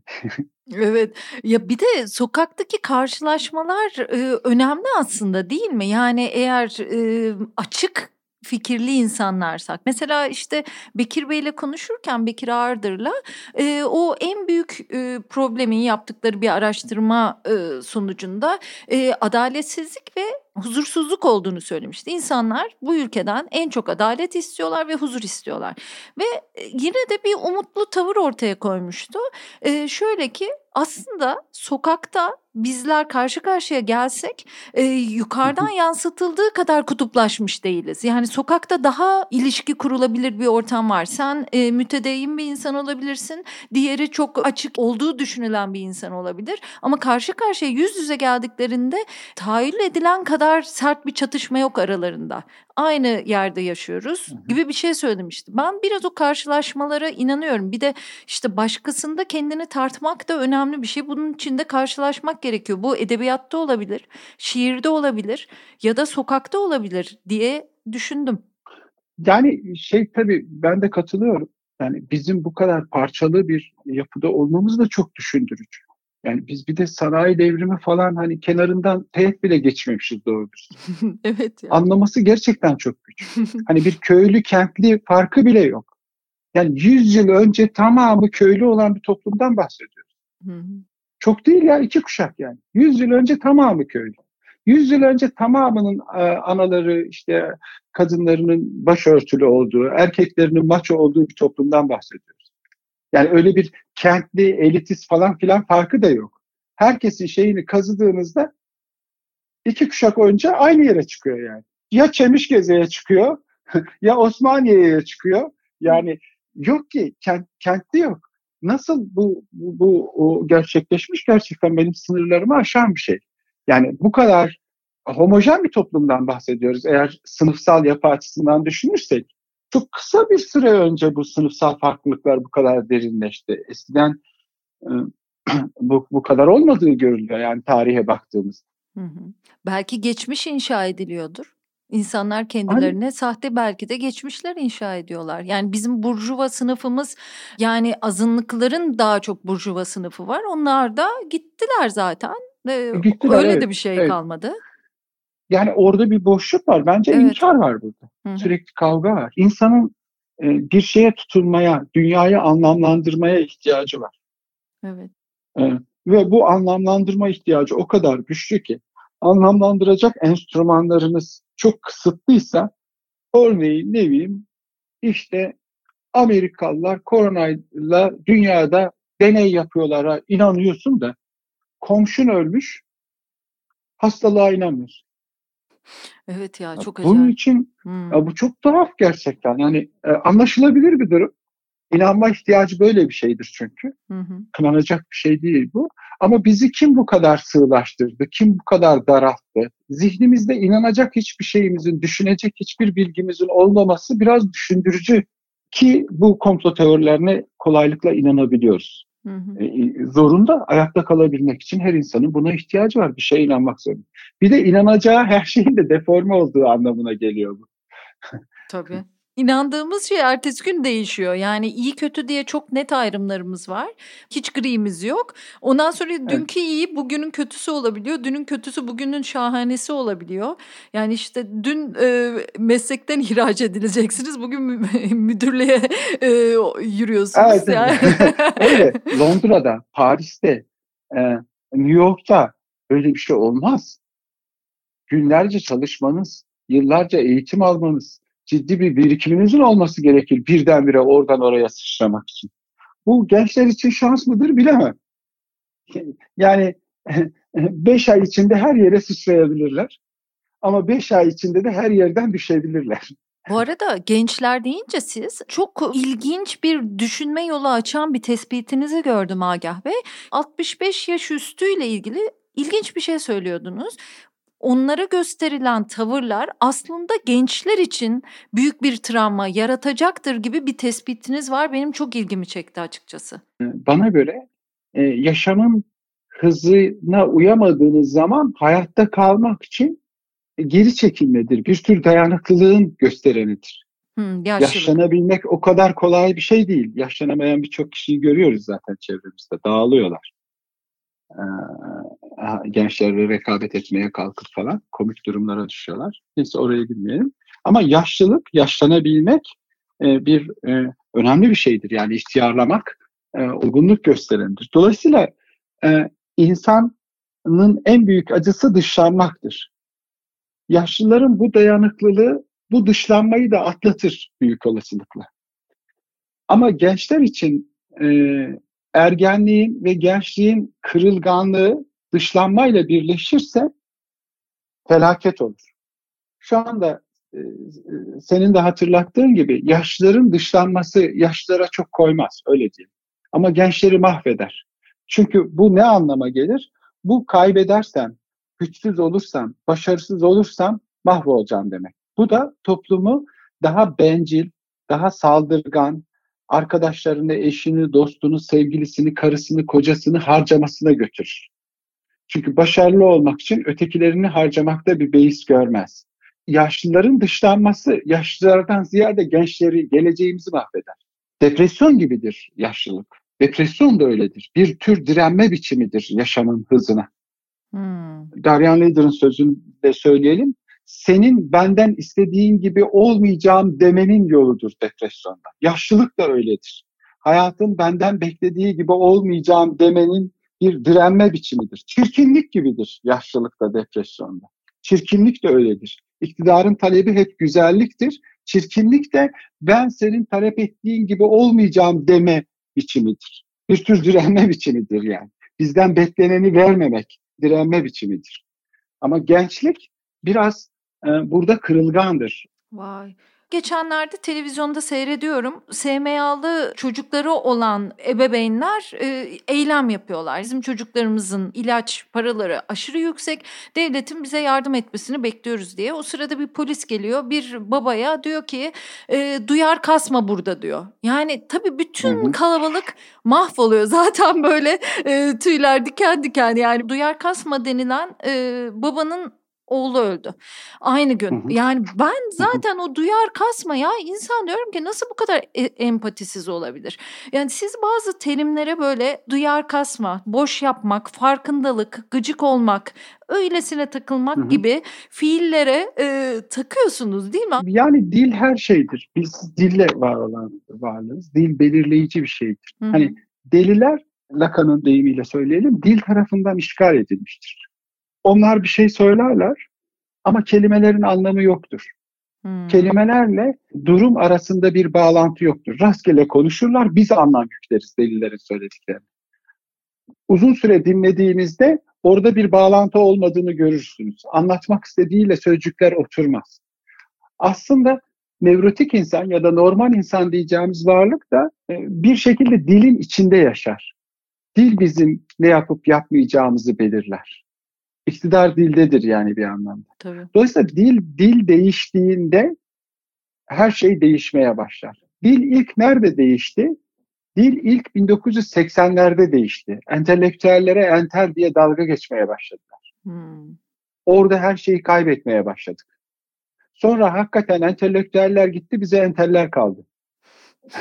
Aynesi iştir kişinin değil. Laftır. Peynir gemisi lafla yürüyor yani. Her şeyi laf belirliyor. Değil mi? Biz hep sözlere itibar ederiz. Sözün bu kadar deforma olması neleri düşündürebilir? Lider'e gönderme yapayım gene. Şimdi biz na- nasıl bakıyoruz mevzuya? Mal canın yongasıdır. Bir başarı elde ettiğimizde de kefeni yırtmaktan bahsediyoruz. Ya çok güzel, doğru. Evet. Mal canın yongasıdır diyoruz. O zaman bizim dinimiz, imanımız para olmuş haberimiz yok. Ölümsüz oluyoruz para kazanınca. Çok enteresan. Evet. O zaman bakmadığımız yer bizi kontrol ediyor. Bakmadığımız yer neresi? Sözcüklerimiz, sözlerimiz. Şimdi mal canın yongasıdırsa, para kazandığımızda da kefeni yırttığımızı sanıyorsak, dolar yükseldiğinde bakmadığımız yerden gidersiniz. Her şeyi döviz kuru belirler yani. Dil belirliyor dikkat ederseniz. Adaletin, sevginin, huzurun, mutluluğun ya içi boşaltılınca birden nasıl çöküyor Tabii. tak diye böyle. Dil boşaltılıyor önce. Yani dil nerede boşaltılmaya başlandı? Yeşilçam'la boşaltılmaya başlandı. Yeşilçam'da nasıl boşaltıldı? Biz Türkan Şoray kanunlarıyla büyüdük. O şu demekti. Öpüştüğünü veya seviştiğini bildiğimizi bilmemezlikten gelme filmleriydi onlar. İşte psikanaliz de buna dayanıyor zaten. Bakmadığımız yerden kuruluyoruz. Bakmadığımız yer neresi? Ötekilerin cinsel organları, cinselliği. Aklımız hep orada. Bakmadığımız yer bizi belirliyor. Yoksa burada erkeklikten, kadınlıktan bahsedilmiyor tabii. Buradaki ne bileyim erkeğin işte hormonlarıyla falan filan ilgili bir şey. Böyle sığlaştırmalar yapıldı ya. Cinsellik üremeyle ilgilidir. Çağımızda çok sık kullanılıyor. Bu işte bir şey. Bir kere e, hormonlarla ilgili bir şey değildir. Cinsellik arzuyla ilgilidir, düşünceyle ilgilidir. Hormonların da etkisi vardır tabii. Yani erkek olmak bir fantazi çerçevesinde gerçekleşir. Kadın olmak da bir fantazi çerçevesinde gerçekleşir. Kadın olmamıza, erkek olmamıza, kendimize bakmadan dünyayı, hayatı anlamamız mümkün değil. Hmm. İşte bakmadığımız yer hep kurguluyor bizi. Malcanın yongasıdır diyoruz, kefeni yırtmak diyoruz. Paraya bakıyoruz yani ama bakmıyormuş gibi yapıyoruz. Sonra o bizi belirliyor politik yaşamımızı. Vaka sayısına bakmıyoruz. O bizi belirliyor. Günde 200 kişi ölüyor. Hep bakmadığımız yerden kuruluyoruz.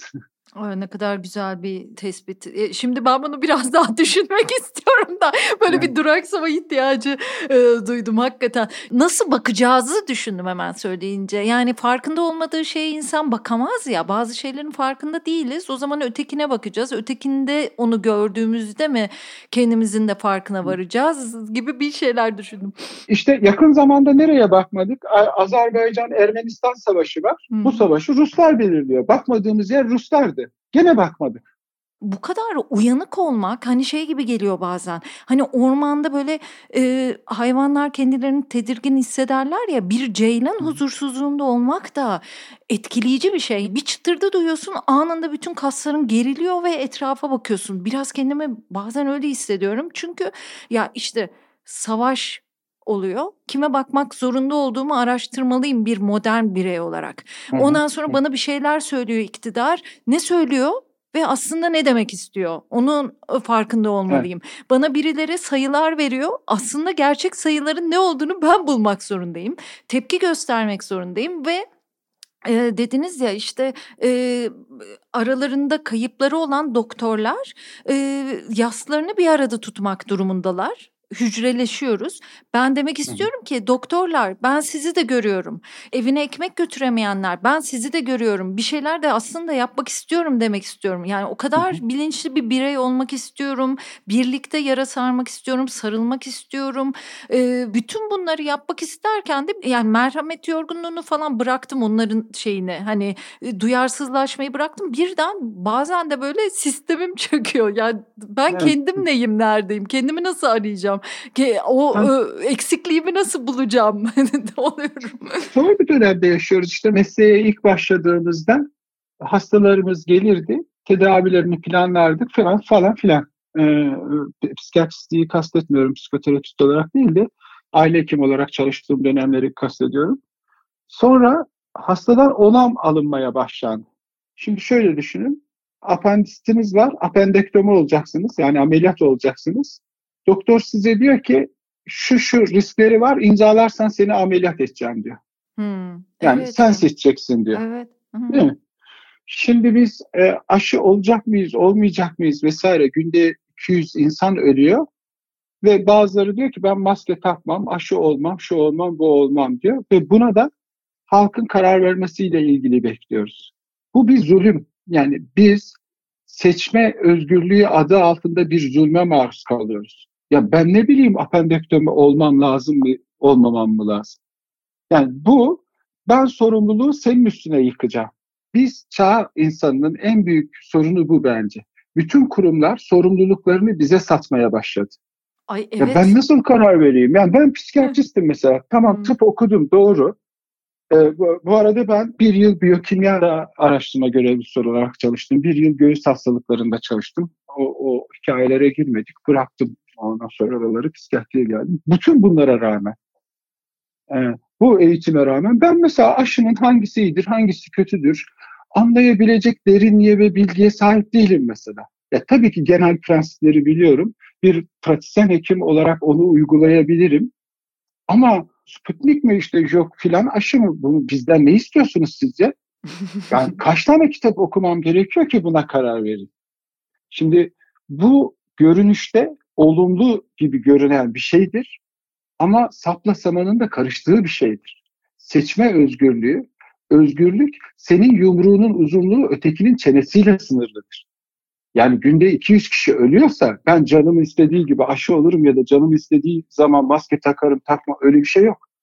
Bu toplumun parçasıysan bu toplumun e, o yönetim aygıtlarının aldığı kararlara uyman lazım. Ama yönetim aygıtlarının da sorumluluğunu alması lazım. Evet, evet. Ya böyle bir şey olabilir mi? Tabii tabii. Yani e, ben e, e, tıp fakültesini mi bitirdim? Cerrah mı oldum ki kalp ameliyatı olup olmayacağıma ben karar vereyim? Bu sahtekarlıktır yani. Hı hı. Öyle bir dünya düzenine gittik ki görünüşte olumluymuş gibi görünen ama aslında hayat sen seçtiklerinsin gibi bir saçmalıkla karşı karşıyayız. Biz nerede seçtiklerimiz? İşte az önce siz benim hayat öykümü dinlediniz. Nerede orada seçmek? Seçmek falan yok yani. Mecbur kalıyoruz işte. Kısmen seçtiğimizi zannediyoruz. Doktor ya olmak istiyoruz ama onu da ne kadar biz istedik, ne kadar başkalarının arzusunu gerçekleştirdik. Gene sizin e, programınızda dinlemiştim. Ece Hanım söyledi, Ece Temel Kurak. E, annem babam şöyle yaptı, şu da şöyle şöyle oldu. Bilmiyorum ki dedi, belki ben de bu hikayeyi doğrulamak için yaşamaya başladım. Ya çok güzel. Ee, bir edebiyatçı olduğu için çok güzel tarif etmişti. Şimdi bilmiyoruz ki bir hikaye başladı. Sonra biz de o hikayeyi doğrulamak için mi olduk? Bir başkasının arzusunu eylemek için mi doktor olduk? Nereden bileceğiz? O kadar kolay değil karar vermek. Hmm. Görünüşte ben seçtiğim gibi görünüyor ama e, yani seçmek bilgi ve beceri gerektirir ve sorumluluk gerektirir. Bu da kurumların görevidir. Yani bu anlamda bence çağımızın en büyük sorunu bu. Bireye çok yükleniyor sistem. Sürekli suçlu hissettiriyor. Hı hı. Yani sen başarısız olmuşsan sen becerememişsindir. Kelimeler bu yüzden önemli. Filmler, romanlar bu yüzden önemli. Yani ne kadar çok kelimemiz, ne kadar çok sözümüz olursa birbirimize o kadar yoldaşlık edip kendimizi o kadar iyi anlayabiliriz gibi geliyor. Örneğin seninle benim bu sohbetimde dünyadaki sorunları çözmemiz gerekmiyor ki. Ne olacak? Birbirimize ne güzel anlattık, çaresizliği paylaştık. Hı hı. Hele bu yani halka açık olmasa çay içerken daha güzel konuşurduk. Yani. daha da çok kelimeleri genişletirdik. Yani hayatı düzeltmek zorunda değiliz ki. Olanı, olana maruz kalmayı ve bu çaresizliği de paylaşabiliriz. Bu zevkli bence. E, tabii tabii ne kadar. Ya bir de İspanya'yı yensek daha güzel olurdu ama işte mahvettiler takımı yani. İşte bu çok güzel ya konuşmak çok güzel. Dinleyenler de böyle hissediyorlardır eminim. E, araya girmek istiyorlardır. Mesela işte bireye yüklenen aşırı sorumluluk zaten yani bugünün var olan insanın öyle bir şey yükleniyor. E, bir de Türkiye'de aşırı bir yüklenme var onu da görüyorum. Bir de her türlü yaptığından sen sorumlusun ama bazen yapmadığından da sorumlusun ve dün suç olmayan bir şey yarın suç. Bununla suçlanabilirsin. Şimdi bu tür e, bir düzenin içinde olmak insanı da vasatlaştırıyor ve kendi olmaktan da uzaklaştırıyor gibi. Şunu kastediyorum. Onun sıfatı ne olurdu tam bilemedim ama havaalanında mesela uçak gecikiyor. E, 45 dakika gecikiyor ve pek çok soruna yol açabilir bazı insanlar için. İşte aktarmalı uçağına geç kalabilir. Orada başka bir acil bir şey yetişiyordur vesaire. Sen oradaki görevliye soruyorsun. Benim sorumluluğum değil diyor. İlk cümle ne bu. Ya e, tamam anlıyoruz zaten senin olmadığını biliyoruz orada ama sen orada şöyle bir sorumluluk yüklenebilirsin. İnsanlara bir açıklama yapmak, onların içlerini rahatlatmaya çalışmak. Herkes her türlü sorumluluktan kaçınca e, o senin işin. E polise bir şey soruyorsun o benim sorumluluğum değil. O benim Tabii. işim değil. Herkes birbirine atıyor ve ben bu kadar sorumsuzluğun insanda bir yara açacağını düşünüyorum. İşe başladığımda bana sorumluluk vermediğin söylediklerinde rahatsız olurdum. Nilay işte öykü yok ki. Öykü, yani mesela şimdi biz 20 yıldır basında bir sürü olayı beraber seyrediyoruz. Hı-hı. Beraber görüyoruz, yaşıyoruz biz. Hı-hı. Bizler öldüğümüzde bu öykü neredeyse yok olacak. Hı hı, evet. Yani sizden örnek verelim. Yani bir tane gazeteci çıkıp, bir tane belgeselci çıkıp şunu çekmedi ya. Ne oldu? Bu basın 1995'ten 2020'ye kadar kime ne oldu? Kim nerede? Ece nerede, Nilay ne yapıyor, işte ne bileyim Serdar ne yapıyor? Böyle bir belgesel var mı? Yok. Unutacağız. 2021'de her şey yeniden başlamış gibi devam edeceğiz. Öykü yok, söz yok. Hikayeler bizi e, ne yaşadığımızı anlamamızı sağlayacak. Sorumluluk sahipleri sorumlu davranıyor mu? Onu tartışmamız gerekirken bize kim aşı gerekli mi gerekli değil miyi tartıştırıyor onu düşünmemiz lazım. Kim nemalanıyor bundan? Onu bilmiyorum gerçekten.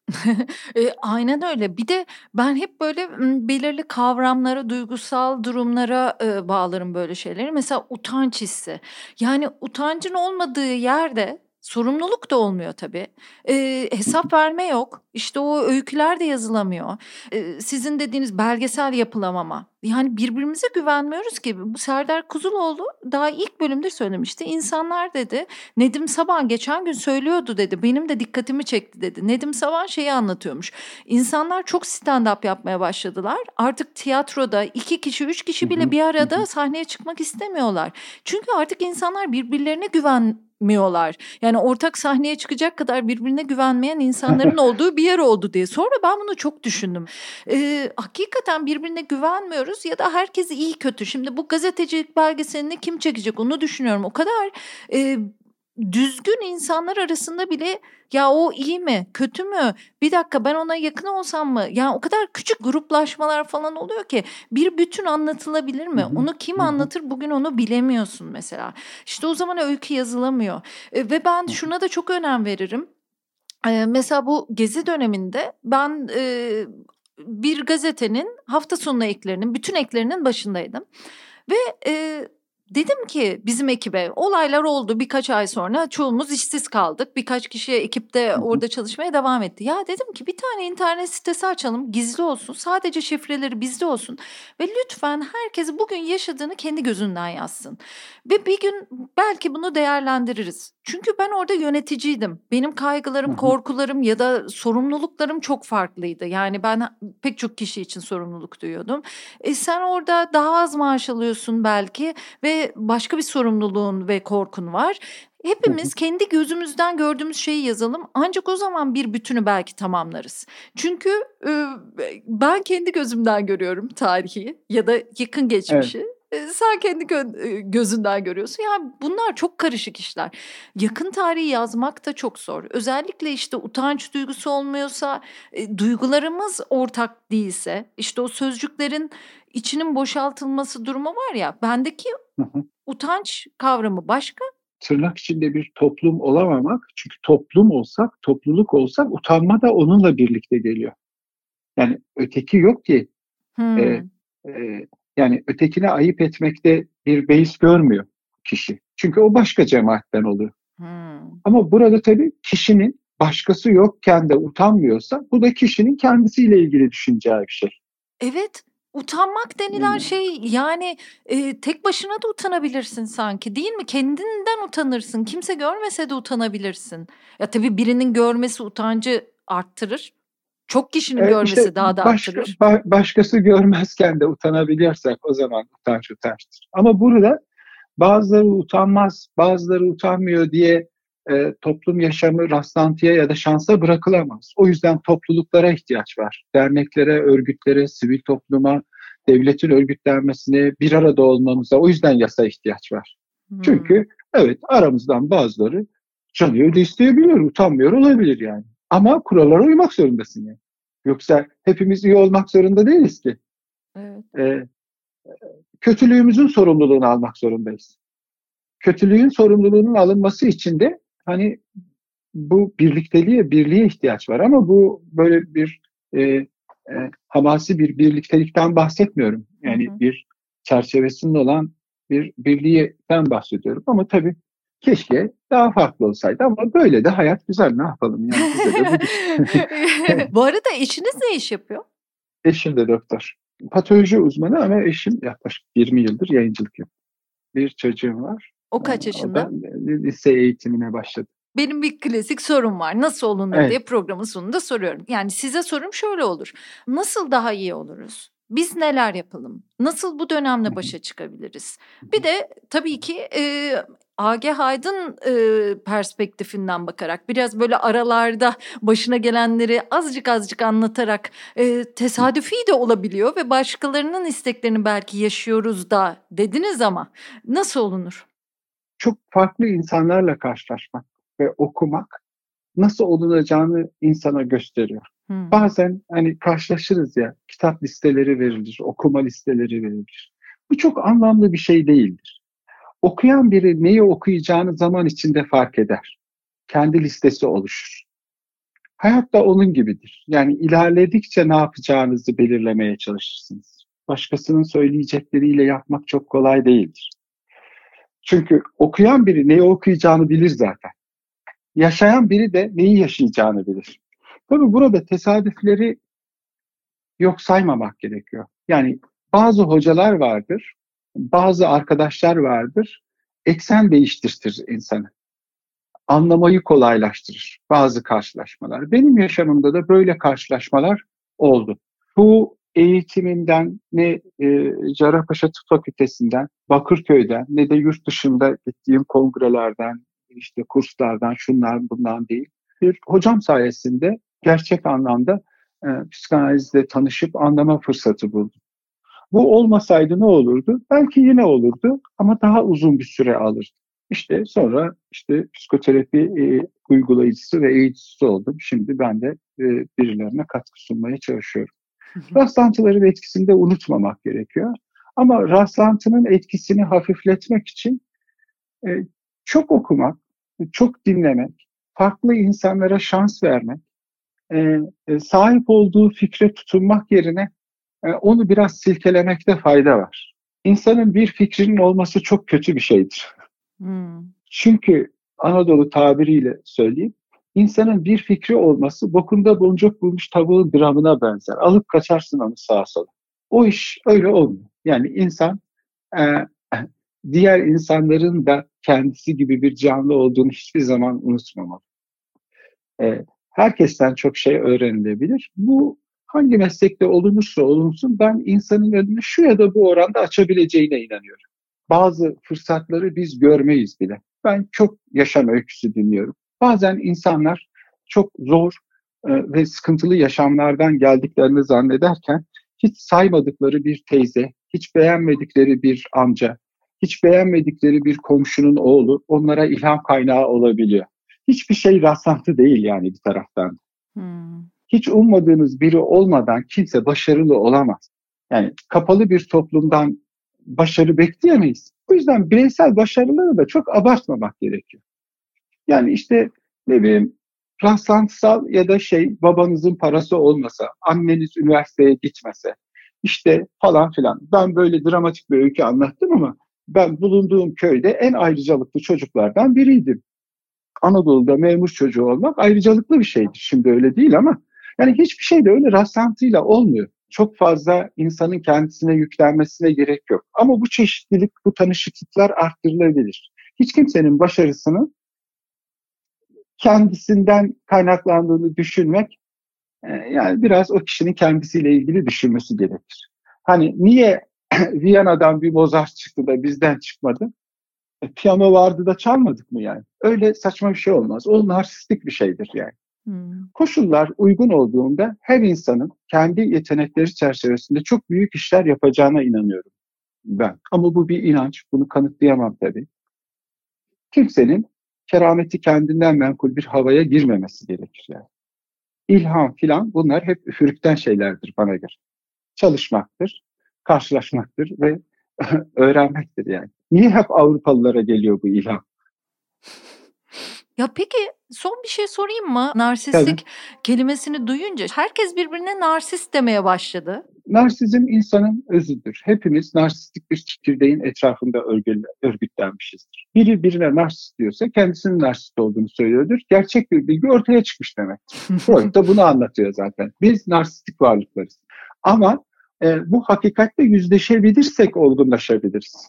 Yani yaptığımız şeylerin sorumluluğunu alarak ne menen bir varlık olduğumuzu kendi üç dünyamızdaki fantazilerin sorumluluğunu alarak. Yani ben size böyle böyle söylüyorum ya Nilay Hanım. Arka tarafta da şunları şunları düşünüyorum. Şimdi şöyle şöyle söylersem de böyle böyle yaparsınız diye düşünerek şöyle şöyle söyledim. Onu da çarpıttım. Ama niye çarpıttığımı bilmiyorum. Ben bunu her yerde yapıyorum. Filan gibi bir şeyden bahsediyorum. Dolayısıyla aslında malumun ilanıdır bu yani. Tabii ki narsistik varlıklarız. Yani kendisine at koyup ben diye hitap eden kendine kaç tane canlı var? İçinde bulunduğumuz çağın e, yaşam biçimi e, maalesef insanı çok çaresiz hissettiriyor, çok yalnızlaştırıyor. Yani koca bir kurumda çalışıyorsunuz ve hiçbir değeriniz yok. 50 yıl önce böyle bir şey yoktu. Bir postanede, bir ofiste çalışıyorsanız o postaneden ayrıldığınızda yıllarca size plaket verirlerdi. O postanenin tarihinde adınız geçerdi. Şimdi e, gazeteyi, şirketi, televizyonu, iş yerini kurduğunuz yerden ayrılıyorsunuz. Bir gün sonra sizi kimse hatırlamıyor. Bu insanı çok narsistleştirir tabii. Çok bencilleştirir. Ben varım demeye ihtiyacı olan varlıklarız biz. Dolayısıyla çağla tabii çok ilgisi olduğunu düşünüyorum. Ee, çağımızın hani bu seçme özgürlüğü vesairedir sürekli bireyi kendisine yönlendiriyor. Ama sanki olumluymuş gibi değil de olumsuz bir yerden yönlendiriyor. Eğer sen sen seçtiklerinsin diyor ya. Evet. E, ben seçtiklerimsem perişan bir hayatım var. E, o zaman sen de sorun. Hı hı. Oh, çok korkunç. o zaman depresyondasın diyor. Hmm. O zaman stresin var diyor. Depresyon ne? Stres ne? Bunları da çok iyi bilmiyoruz bu arada. Mekanik bir şeymiş gibi. Hiç duygu yok. Hani stres yerine Türkçe'de ne kadar güzel kelimeler var. Üzüldüm, çok korktum, kaygılandım, kırıldım. O beni terk ettiğinde elim ayağım titredi. Stres ne? Ya da depresyon nedir yani? o öldükten sonra şöyle hissettim. İşte şu oldu, paramı kaybettikten sonra bu oldu demek varken hani daraltıyor, indirgiyor ve bizi çok çaresiz ve zavallı hissettiriyor. Hmm. Peki son şunu soracağım. Nasıl olunurun yanıtı içinde dinlemek de vardı. Şimdi dinlemek bizi biraz daha iyileştirir mi o açıdan? Yani bir takım sorunlardan e, azat eder mi? Yani insanı iyileştiren senin söylediğin bu açıdan bakarsak itiraftır. İtiraf hmm. da itirafı getirir. Hmm, güzel. Kapanma da kapanmayı getirir. Yani hmm. ben şiştikçe sen de şişersin. İkimiz de o şiştiğimiz kabuğun içinde zavallılaşırız. Hmm. Ama sen itiraf ettikçe ben de itiraf ederim. Ya sen şöyle dedin ama ben de şurada yalan söylemiştim. Sen şu, şunu yaptın, şunu yapmıyorum dedin ya aslında ben onu sana şöyle şöyle anlatmıştım ama aslında o olay böyle böyleydi. Bu bizi iyileştirir. Bu bizi dost da yapar. E, e, e, bunun için de e, e, konuşması gerekiyor insanın. Konuşma ne kadar azalıyorsa, itiraf ettiğiniz kişiler ne kadar azalıyorsa dostlarınız da, sağlığınız da o kadar risk altında demektir.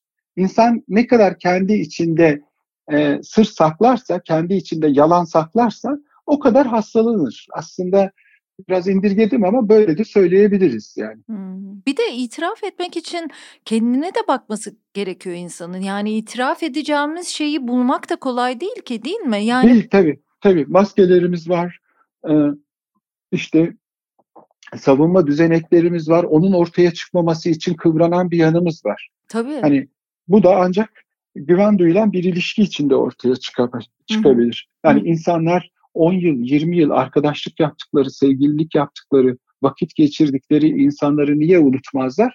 Çünkü sadece orada gerçek olmuşlardır. Ya o kadar çok şey konuşmak istiyorum ki yani çünkü bu konuşmalar işte bu sorgulamalar bende çok zihin açıcı bir şeye yol açıyor. Yani kendimle evet, ilgili de keşiflere yol açıyor. Ee, gerçekten şahane. Umarım dinleyenler için de öyle oluyordur. Benim kişisel bir şey haline gelmemiştir diye. Umuyorum biraz öyle toplumsal Teşekkür sormaya ederim. çalıştım ama. Benim için de çok hoş bir sohbetti. Daha çok konuşmak isterdim açıkçası. Uzun uzun birkaç program yapalım isterdim. Öyle bir his doğdu. Öyle diyeyim. Nasıl bitirelim de diyeyim. Belki Kars'la bitirebiliriz. Ben Cemal Süreyya'nın Kars'la ilgili o zaman belki Kars'ı, Kars özelinde de bütün Anadolu'daki çocukları anlatır belki. Öyle güzel ki ölürüm artık. Beyaz, uykusuz, uzakta. Kars çocuklarında Kars'ı, ölüleri yağan karda donmuş gözlerimin arası. Valla bizim hep ellerimiz donardı orada. Ya. Ölülerimizin de adı yoktu yani hakikaten yağan karda. Ay çok teşekkür ederim. Çok da güzel bir bitiş oldu ya. Cemal Süreyya ile çok hoşuma gitti. Hı.